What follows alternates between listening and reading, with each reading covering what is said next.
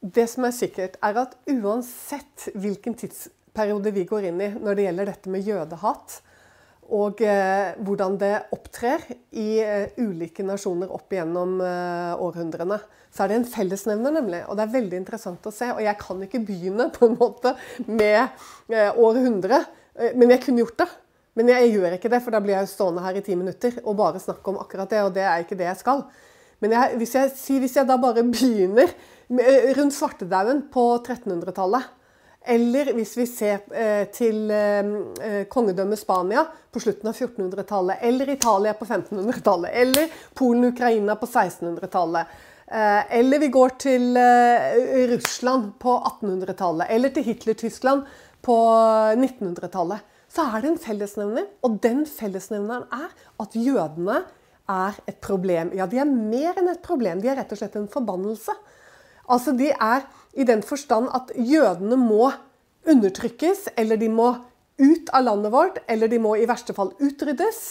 Eh, og det var jo de tankene eh, kong Ferdinand fikk på slutten av 1400-tallet i Spania, at jødene, jødene, var en forbannelse. Altså Da var det du fikk dette her uttrykket eh, 'mala sangre', altså dårlig blod. Det, det nyttet ikke lenger å tvangsomvende jødene til kristendommen. Fordi at det, det, var noe med blodet deres. Altså det var noe med deres etnisitet. Eh, det, var, det, var, noe galt med dem. Så Spania bestemte seg for at alle jøder skal ut av Spania, og det måtte skje på kort tid. Og de som ikke forsvant, de skulle drepes. Og dette har jo skjedd mange ganger tidligere i historien nå. Men eh, som sagt, jeg valgte å ikke gå for langt tilbake. Eller eh, Italia på 1500-tallet, når de oppfant gettoen. Altså, Jødene måtte da altså, Om de levde iblant dem i Firenze, så kunne de ikke leve De kunne ikke gå fritt rundt som andre mennesker. Nei, de måtte leve i en getto eh, som ble stengt til visse tider og åpnet til visse tider. Og der ble de trengt sammen i det som man i dag kan synes er litt romantisk i Roma og Firenze og gå i det jødiske kvarteret, liksom. Men er jo, sannheten er jo at dette er eh, tidligere gettoer, hvor jødene levde under forferdelig vanskelige forhold. Kjempetrangt og fattigdom og elendighet. Eller på 1600-tallet, da, når krigen mellom Ukraina og Polen, hvor man eh, vet ikke helt hvor mange jøder. Det var jo jødene som fikk skylden, da. Eh, midt oppi dette her, i denne krigen mellom de to. Og hvor mange hundretusener av jøder, kvinner og menn og barn, som ble slaktet ned. Noen, de høyeste tallet, regner en halv million. Eller, eller Russland på 1800-tallet. Du vet at mellom 1880 og 1920 så rømte to millioner jøder ut av Russland. Pga.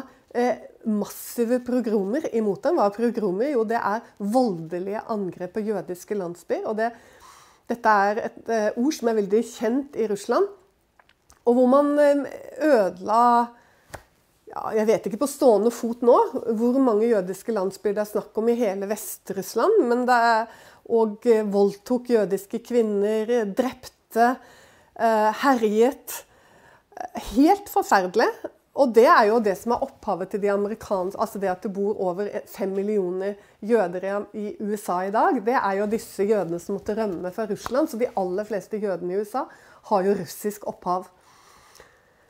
Eh, og du fikk også en liten prosent som da reiste til det som den gangen het Palestina. De første nybyggerne som kom til det palestinske området på slutten av 1800-tallet og begynnelsen av 1900-tallet.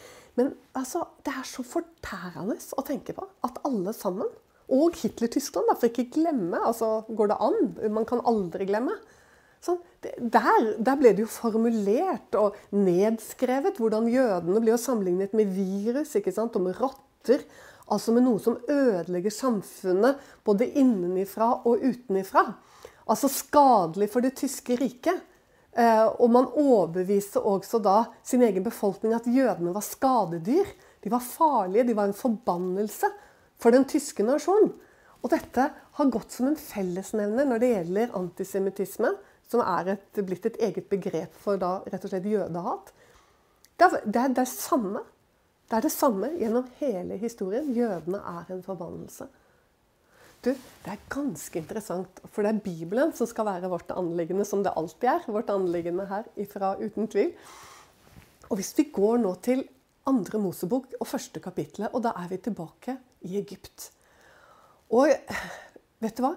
Jeg har lyst til å si det sånn, selv om det der å, si 'når var det det begynte', liksom, alltid kan være litt sånn risikofylt, da. Men eh, jeg tror kanskje jeg er rett, for til og med altså innenfor, ikke innenfor forskning innen teologi, hvor man jobber med dette, men eh, i andre fagfelt eh, som jobber spesielt med forskning innen antisemittisme-tema, eh, ikke bare liksom nasjonalt Norge, men globalt, de, eh, der er det en hovedtese nå om at Eh, denne antisemittismen eller jødehatet startet i Egypt. Og Det er jo interessant, for det var jo i Egypt at jødene ble et folk. Altså de ble et folk eh, og vokste til og ble sterke. Sånn begynner nemlig sånn begynner eh, andre Mosebok. At jødene er ikke lenger bare liksom dette stammefolket som kom ned eh, fra eh, Israel og eh, slo seg til i Egypt. Nei, nå har de vokst seg til et stort folk. Og nå ser du da, kan du lese av første kapittel her, og du må bare lese dette selv, så ser du at faraoen, Egypt, Egypt sin konge, han eh, begynner å bli redd for jødene. Og hva er det han tenker? Han tenker nemlig akkurat dette. At de er et problem for Egypt. Men han, antageligvis så er det jo ikke det, vet du. For jødene har jo nettopp vært en velsignelse. I de aller fleste nasjonene hvor de har vært, har de vært en ressurs. Og det var de sikkert i Egypt også. Men han begynner å tenke at de kommer til å bli farlig for Egypt. De kommer nemlig til å slå seg sammen, begynner han da å tenke, eh, med våre potensielle og fremtidige fiender.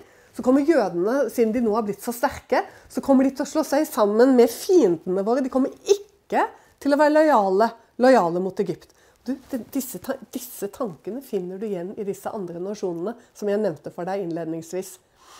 De kommer til å slå seg sammen mot Egypts fiender. Og jeg, ikke sant, Han begynner å bli redd. Han tenker at han gjør noe veldig dumt liksom, med å la de få lov til å på en måte eh, utvikle seg da, som folk. Fordi de kommer til å bli farlige for Egypt.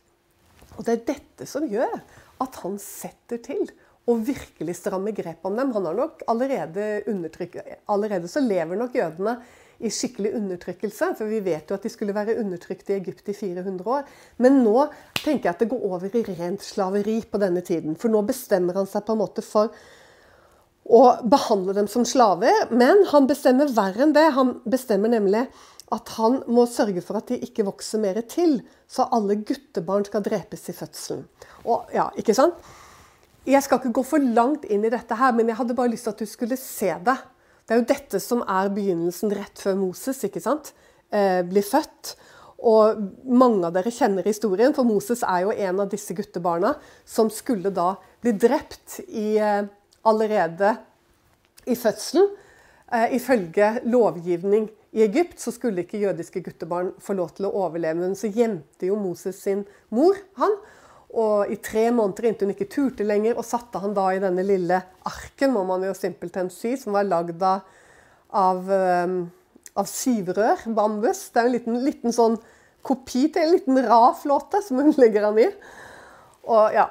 Eh, men jeg ville bare at du skulle se dette her sånn, fordi det, det, er veldig viktig å forstå denne fellesnevneren. Og den kan vi forstå ut ifra Bibelen eh, først med Egypt. Men det er jo ikke bare der. Men det begynner der, og så fortsetter det. Nå har eh, jødene blitt til et folk. Og de har blitt til et folk under stor motgang, under undertrykkelse og slaveri.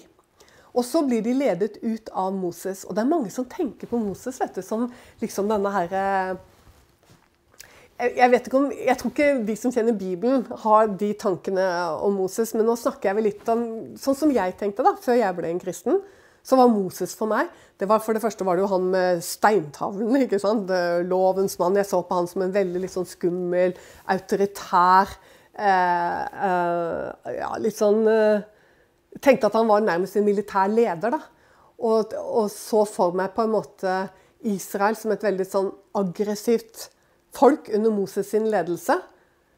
Eh, og det kunne jo ikke vært eh, lenger bort fra sannheten. Eh, så langt jeg vet, da, så finnes det ikke en eneste angrepskrig under Moses sin ledelse gjennom 40 år i ørkenen.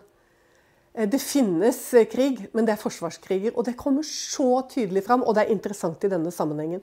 Fordi de folkene som angriper dem, og særlig kan du lese om dette fra 4. Mosebok og 19. kapittel, kapittel 19, 20, 21 og 22 og utover, men spesielt de jeg nevnte nå, så ser du det at alle disse folkeslagene Og nå begynner jo eh, Israel-folket, som de heter på denne tid. De har ikke fått eh, jøder, blir de først mange mange århundre senere i forbindelse med Babylon at de får fellesbetegnelsen jøder.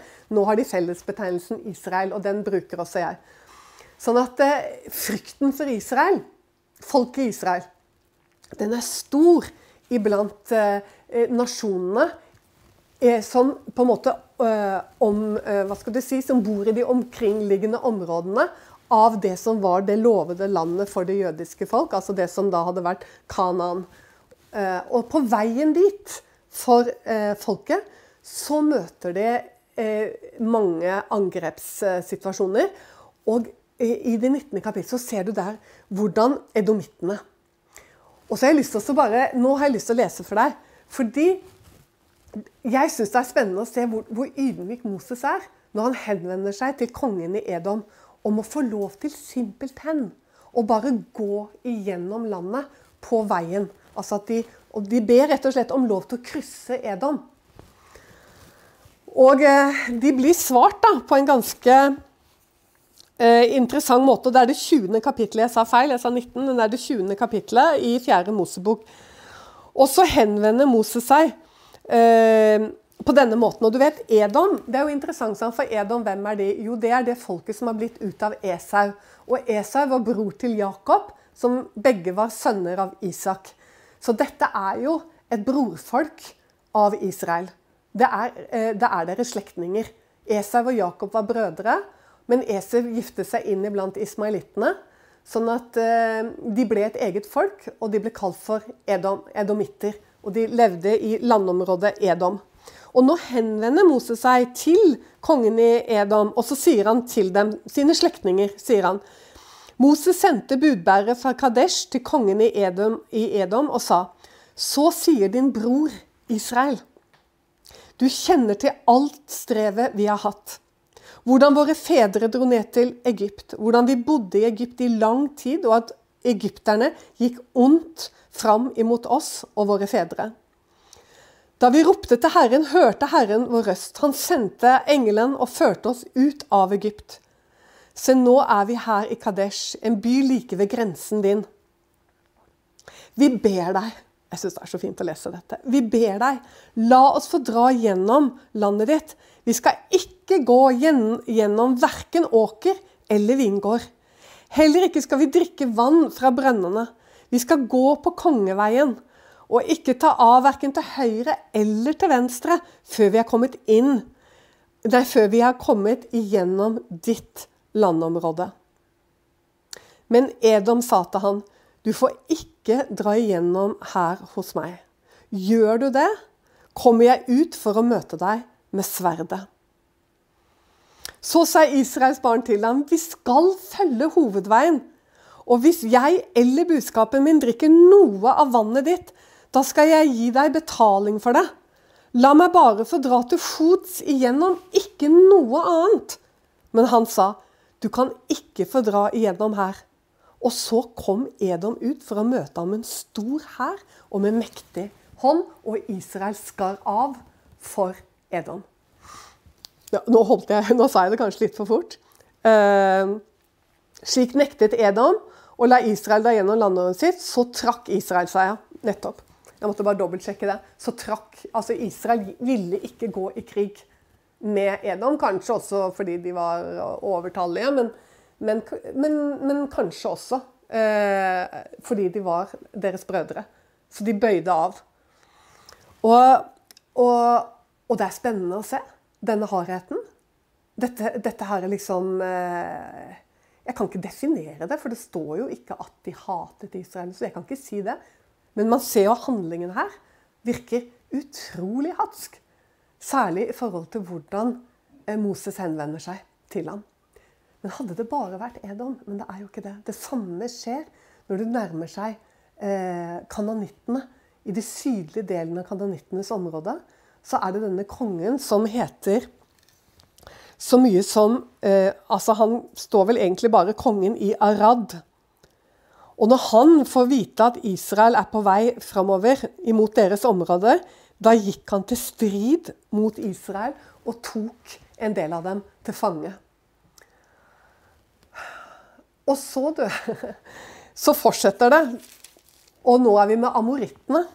Og da kan du bare se, Hvis du går etterpå og ser eh, videre ut i 21. kapittel, så ser du at det er kong eh, Sihon av amorittene. Og nå henvender Moses seg igjen og sier, sender budbærer og sier 'la meg få dra gjennom landet ditt'. Vi vil ikke gå inn ikke sant? det åkrene, vingårdene. Vi skal bare holde oss til kongeveien og ikke ta til høyre eller venstre. Akkurat det samme som han sa til kongen i Edom. Og får samme svaret. Ikke sant? Du får ikke gå gjennom her. Og amorittene går ut med en mektig hær imot Israel. Og det blir jo deres tragedie, for nå forsvarer, nå forsvarer Israel seg. Og eh, Israel seirer i denne krigen. Og hør her Det gjør jo faktisk til at i 22. kapittel kan du se at det er moabittene som har fått de samme tankene. At de er til forbannelse. Kongen i Moab er overbevist. Han er skikkelig engstelig fordi dette enorme Israel, som nå da har kommet i hans øyne og leiret seg utenfor Moab Og hva er det tankene hans er? Jo, at de skal ødelegge hele Moab. Det er det han tenker. Altså, han tenker helt motsatt av sånn som de burde tenke. Det er jo det vi må ta fatt i her. Fordi om det gjelder eh, Jeg tok jo ikke med Basan. Det er jo faktisk eh, et annet folk helt, helt nord i Israel som også gikk til krig av samme grunn. Om det er amoritter, eller om det er Basan, kananitter, eller om det er edomitter, eller moabitter eller midjanitter, så har de dette til felles som folkeslagene i senere historisk tid hadde til felles, nemlig at Israel er en forbannelse. Og det, det, det jeg tenkte at jeg bare må si, og som jeg kanskje burde sagt innledningsvis, det er jo, det er jo akkurat som de hører på, sant? De hører på feil øre. Fordi Gud har jo sagt Hva da? Jo, han har sagt at de er en velsignelse.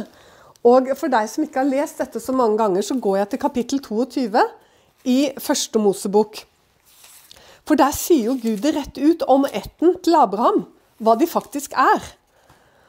Og han sier det nemlig sånn at uh, Han sier det, og det, det, kommer Vi vet jo at han sier det til Abraham. Med første kallet med Abraham så sier han at du skal være en velsignelse. Men altså, i deg, sier han, skal alle jordens folk velsignes. Men så i det 22. kapittel så utvides dette i deg til i din ett skal alle jordens folk velsignes. Og Det kan du lese i det 22. kapittelet. Og dette er eh, interessant med tanke på at de hører det motsatte. Og du vet at Jesus kalte Satan for løgnens far. Altså Han har vært en løgner da, ikke sant? helt ifra starten av. Han begynte jo ut med løgn. Det vet du jo fra første Mosebok, tredje kapittel. Sant? Så begynte han jo med løgn. Og Jesus kaller han for løgnens far. Og når Gud har sagt at eh, dette folket er en velsignelse til nasjonene og til folkene, så sier jo han det motsatte, fordi han er løgner. Han sier nemlig at de er en forbannelse. Og det er jo ikke så rart. Fordi at hvis vi nå holder oss litt i første Mosebok, så ser vi jo det at det kommer en profeti veldig tidlig i første Mosebok, i det tredje kapittelet. Og i det 15. verset. Og den profetien går jo på ætten. Denne ætten som også menigheten med Messias og Kristus har kommet inn i. Som Paulus underviser så vakkert. Altså den jødiske ett. Men det kommer noen profetier om denne ætten den første profetien faktisk i Bibelen som blir talt over Satan. Som en konsekvens av det han klarte å fullføre, nemlig å føre mennesket på fall. Og eh, ta fra oss livet og innføre døden. Og når han har fullført det, Satan, så kommer det en profeti fra Gud mot han, Og det er liksom litt sånn Det du har gjort, har du gjort. Men konsekvensen av det er at det blir fiendskap imellom kvinnens ett, står det, og din ett. Og så står det, så kommer det dette rett altså ut av det blå. Han skal knuse ditt hode, og du skal knuse hans hæl.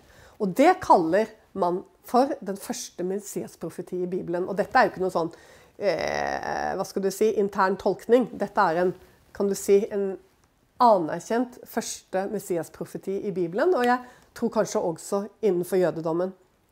Han skal knuse ditt eh, hode.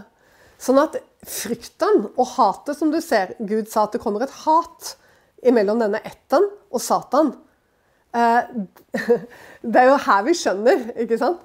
Eh, både velsignelsen og nettopp forbannelsen. Han som jobber imot dette folket fordi han vet at gjennom dette folket skal jo virkelig den store velsignelse komme. Og det er jo han som skal knuse Satans hode. Han som, han som knuste egentlig han på korset. Kristus knuste han på korset han, den jødiske Kristus som kom ut av denne etten. Men han skal også fullbyrde det og sette Satan ut av spill for all tid. Sånn at eh, i denne kampen imot dette folket, så ser du at det ligger nettopp denne velsignelsen, som i det, i, i det store og hele handler om Messias, men som også handler om at de har vært en velsignelse i de nasjonene hvor de har vært så taler altså Satan denne løgnen om at nei, de er ingen velsignelse. De er en forbannelse. Og eh, kongen i Moab, nå er vi tilbake igjen der, han er så overbevist han at han, som du kanskje, hvis du har hørt meg tale om det også, ja, han leier denne Biliam ikke sant, for å forbanne Israel, for at han tenker at her har du det. For han tenker at da skal han få nettopp eh, makt over dem hvis de er forbannet. Men de er jo ikke det, vet du. De er velsignet. Og det er akkurat dette vi kan se både ut av Egypt, vi kan se det eh, gjennom ørkentiden, hvordan de angripes fordi folkeslagene tenker både Egypt og disse andre folkeslagene jeg nevnte, tenker at de er ikke en velsignelse. De er virkelig et stort problem for vår nasjon. Eller de kommer til å bli et kjempeproblem. Det er jo alltid det. Det er ikke det at de er det, men de tenker at de kommer til å bli det. Her har du bekymringen, vet du. Og jeg tenker at den onde han er jo virkelig bekymringens mester. Fordi at hvis han skal lyve, så er det jo ikke så lett å lyve om realiteter. Fordi at det, det vi har, og det som er, og sånn, så er, vi ser oss rundt, så må vi bare takke Gud, for vi ser at han passer på oss, og hans omsorg er stor. Men han kan få oss til å begynne å tenke om framtiden. ikke sant? De kommer til å bli en forbannelse. De kommer til å ødelegge. Og dette er jo sant i forhold til hvordan han sådde tanker i ulike nasjoner når det gjelder jødene, men det er også sant hvordan han arbeider i våre liv. Sant? At Er det ikke noe å bekymre seg for her og nå, så kan han jo skape bekymringer for framtiden. Og han er en mester i dette her. Han er suveren på det. Og han ser ut til å lykkes enormt mye med det i våre liv ved å skape bekymringer. Og det er jo det, Han, han lyver. Og det er jo det han gjør her, som du ser. Og som vi kan se i Bibelen. Og det er jo det som er så interessant. At vi kan lære hva antisemittisme er ut ifra Bibelen. Vi forstår hva det er. Og ikke bare at vi forstår hva det er, men vi forstår opphavet. Vi ser at det er åndelig. Det har et åndelig opphav, og det er viktig at vi skjønner. Du vet, Man skulle egentlig tro liksom at jødene framfor alle skjønte at dette hadde et åndelig opphav. Men veldig ofte så, så, gjør, så har ikke jøder Eller de tenker ikke den retningen. Det er mer en sånn stadig spørsmål de vender tilbake til. Why us, liksom? Hvorfor oss? Og ikke vet jeg hvorfor jeg snakket engelsk nå. Men, eh, men sånn, hvorfor oss? Hvorfor? ikke sant? Og jeg skjønner jo det. Sant? Det er jo som et mare i hvert eneste århundre opp igjennom i et eller annet folkeslag et eller annet sted i verden. Det er jo det som er sannheten om jødenes historie. Alltid. Alltid fotfølger dem. Men Bibelen gir oss svaret på, på opphavet for dette, som er Guds velsignelse. Og han sa både, både med Han sa ikke bare at de var velsignet, men han sa sant, at eh, han ville velsigne alle folkeslag gjennom den, og denne profetien. Om Messias som skal komme igjennom dem, og som kom igjennom dem, men som også kommer igjen. Og derfor er de fortsatt forfulgt. Fordi Jesus kommer tilbake, skal derfra komme igjen. Og fordi han kommer igjen, så er ikke løpet fullendt. Heller ikke for jødene og heller ikke for Guds menighet. Profetordet er høyaktuelt den dag i dag. Men hvis vi går til et annet sted da, i Skriften For vi må spørre oss er det flere steder hvor dette kommer veldig tydelig fram. Og det er jo det det er. F.eks. Hvis, hvis du nå blir med meg til eh, opp i nyere eh, tid eh, i Bibelen, og da er vi i bøkene Daniel, eh, Esra, Nehemia og Ester. Eller kanskje jeg skulle si det mer eh, i den rekkefølgen det burde stått. da. Eh, Daniel, Esra, kanskje, og Ester og Nehemia. I den rekkefølgen. Og der kom jo det farligste angrepet på jødene som vi vet om. Eh, I Bibelen. Vel, for, eh, det må jeg jo understreke, da.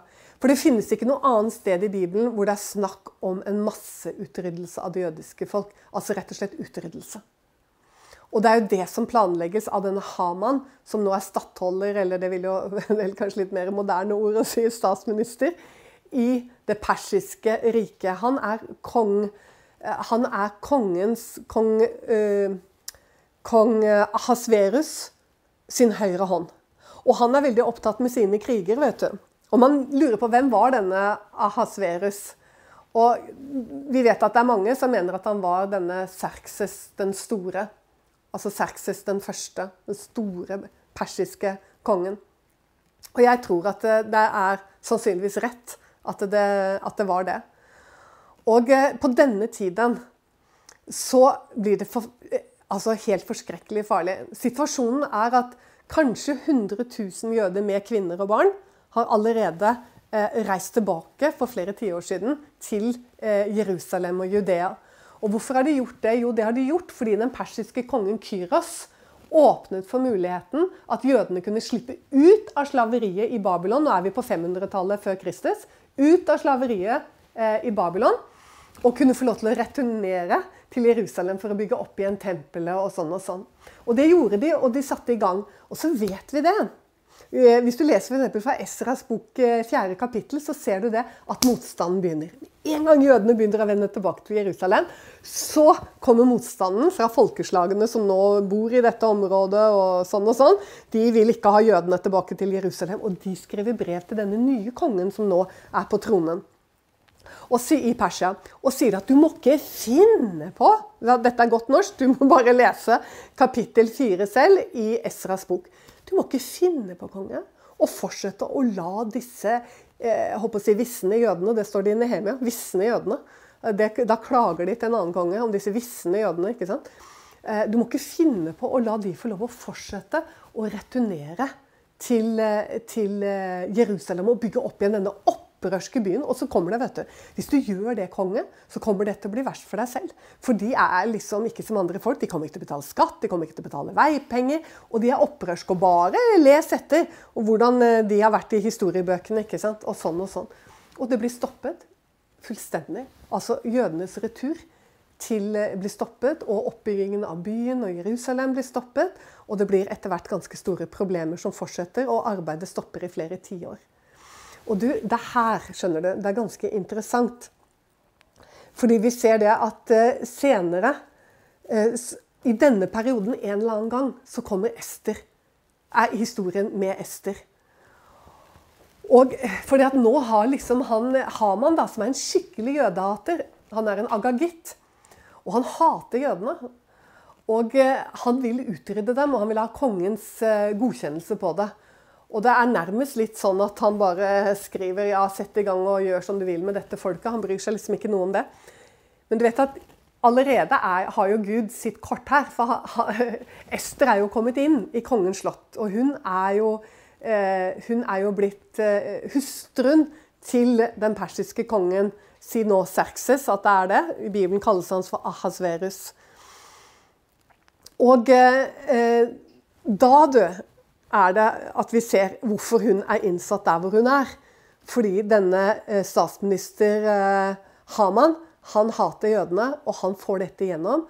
at han skal ha de drept i hele kongens rike.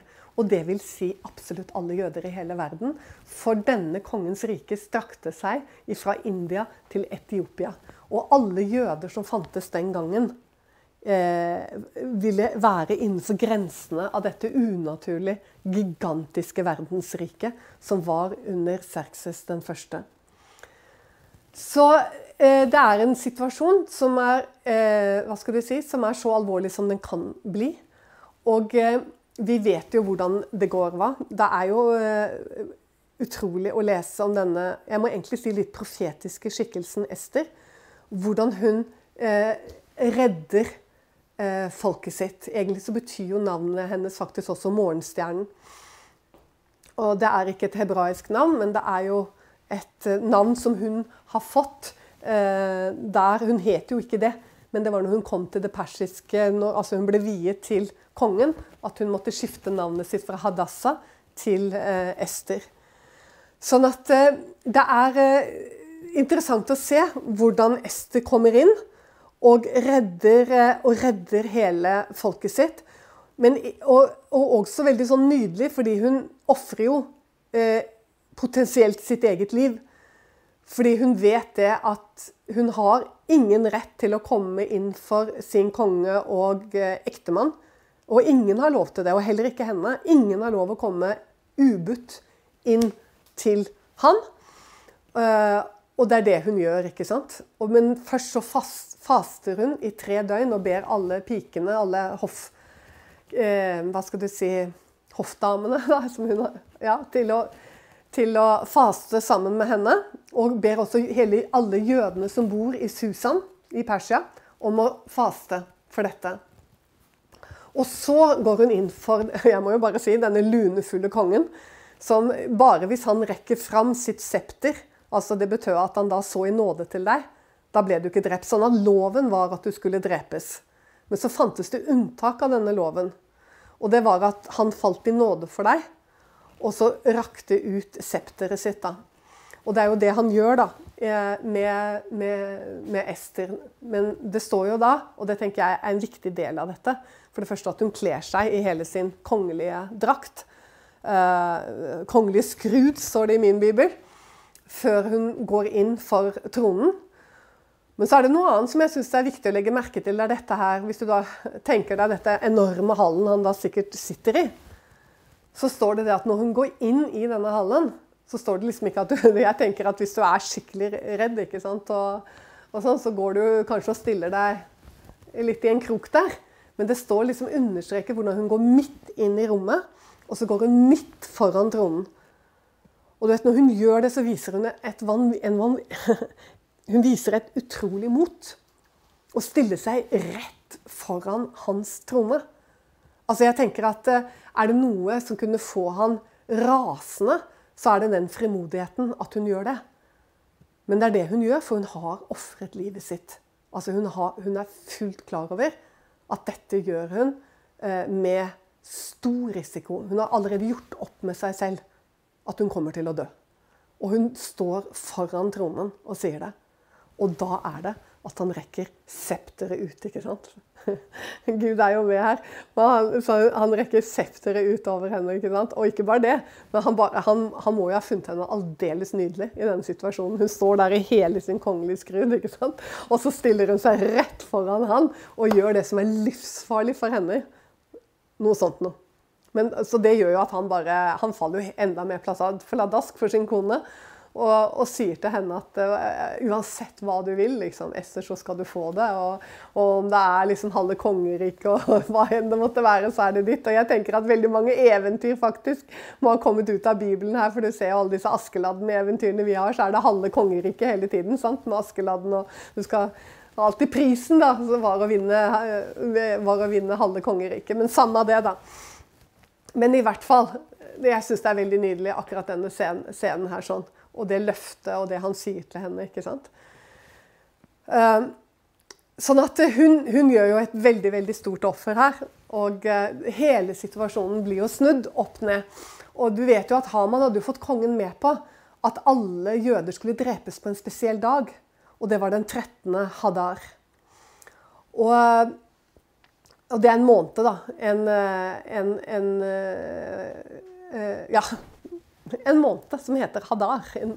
Og den måneden den sammenfaller vel som oftest med februar, for Purim, som er den høytiden hvor de feirer dette her med Ester og Haman og Mordekai, den kommer jo eh, gjerne omkring februar måned.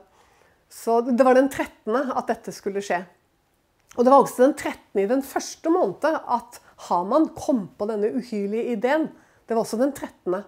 i den første måneden i året.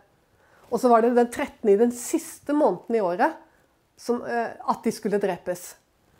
Men tre måneder før det er det at kongen ikke sant, gjennom Ester får greie på alt dette her, og du må bare lese, det er en fantastisk historie, og stopper det hele og gir jødene rett. Nå, tre måneder før, og sende ilbud ut over hele hans rike til alle byene hvor det fins jøder. At i stedet for at de skal drepes den 13., så er det ikke det som skal skje, men jødene skal utrustes til å bekjempe sine fiender den 13. til å forsvare seg. Så hvordan da den 13. blir snudd fra å være et ulykkestall Det ble jo et ulykkestall for alle disse folkeslagene og byene, og faktisk folkeslag. For det persiske riket var jo over folkeslag. Tenk deg den ulykke det ble for alle de folkeslagene da når jødene reiste seg og i stedet tok hevn på sine fiender. Det står jo at i noen byer så drepte de opptil 75 000 mann når de forsvarte seg. Så det ble jo en ulykkesdag i stedet for alle disse folkeslagene. Men for jødene ble jo den 13. Hadar en lykkedag som de feirer. Og jeg tenker at det er litt sånn interessant ja, i forhold til denne overtroen med at den 13. er en ulykkesdag. For du ser at den finner du ikke blant israelitter. At 13 er et ulykkestall. Tvert imot, det er et lykketall. Så det var bare en sånn liten, hva skal du si, liten interessant ting jeg hadde lyst til å dele med deg. da. Så det som blir litt viktig å gjøre til slutt, er jo dette å dra disse trådene sammen i forhold til at vi har sett på både i Bibelen hvordan frykten, altså løgnene, tankene om at jødene er en forbannelse, altså noe som vil ødelegge eh, nasjoner, om det er, eh, handler om Egypt eller moabitter, eller om det skulle handle om amoritter, eller oppe i vår tid for Spania, for Italia, for Russland, så er det samme fellesnevner. Det er dette her. Og eh, jeg husker en gang at det var en som sa Vi satt og snakket med en ganske kjent israeler. Vi var to stykker. Og så var det han som jeg var der sammen med, da, han sier at han trodde at antisemittismen kom av sjalusi fra andre folk. Og da var det noe som skjedde med denne litt formelle israeleren.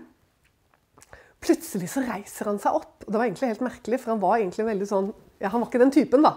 Så bare reiser han seg opp. Og så sier han 'Se på meg', sier han. Hvorfor skulle det handle om sjalusi? Og hvorfor tror du jeg er så lav, og så mange av mine landsmenn vi er så lave av vekst? Og da satt jeg og tenkte på at jeg har, jo, jeg har jo tenkt på det mange ganger. Hvor utrolig mye, mange av jødene som er lave av vekst. Jeg sier ikke at alle er det, men veldig mange av dem er det. Og da, da, tok han dette ikke sant? Og, og, på en måte løftet det fram i lyset for meg. da. Og så sier han 'Hvorfor tror du?' sier han. Og uh, min uh, kollega der, han sa ingenting. For han skjønte jo at denne mannen hadde et svar på det. Og så sier han 'Det er pga. fattigdommen', sier han. Fattigdommen i Europa. Fattigdommen vi levde under i Italia, sier han. Fattigdommen vi levde under i Russland. Vi levde under i Polen. Eller om vi levde i Litauen, sa han. Undertrykkelsene og han holdt en leksjon for oss, altså. Og, og, min kollega han måtte jo bare fullstendig legge vekk tanken om sjalusi. Og det er interessant, for jeg tror at det er en del Og jeg har hørt andre si det, og det er bare fordi man er sjalu på jødene fordi de er så flinke og sånn. Eh, nei, eh, det er klart det kan være en komponent av dette i det. For du kan si det er jo verdt eh, perioder gjennom historien. F.eks. perioder på 1800-tallet i Tyskland hvor jødene hadde veldig gode muligheter og kom utrolig langt på slutten av 1800-tallet. Og det var jo da hatet virkelig begynte mot dem også. Eh, på slutten av 1800-tallet i Tyskland. For det var jo fordi jødene virkelig begynte å få til en hel masse ikke sant? og hadde veldig mange ledende embetsstillinger og sånn. Men ellers så er det jo ikke det. Og det eneste måten faktisk altså, er det Bibelen som kan gi oss svaret. For Bibelen viser oss både gjennom denne finurlige profetien allerede i tredje kapittel i første Mosebok. Altså Guds eget ord om denne konflikten mellom eh, djevelen eller Satan eller slangen eller hva du kaller han, eh, kjellermesteren, og dette folket. Altså en konflikt, et hat imellom dem. da. Og hvordan du, Bibelen også viser, både i forhold til Egypt, i forhold til folkeslagene under Moses sin ledelse, eh, opp under eh, Babylon? All den motgangen som de opplever da, av dette her helt sånn irrasjonelle hatet som Gamle Testamentet viser om og om igjen. Og som jeg sikkert kunne hatt mange mange flere eksempler på, og også selvfølgelig opp i den romerske tid.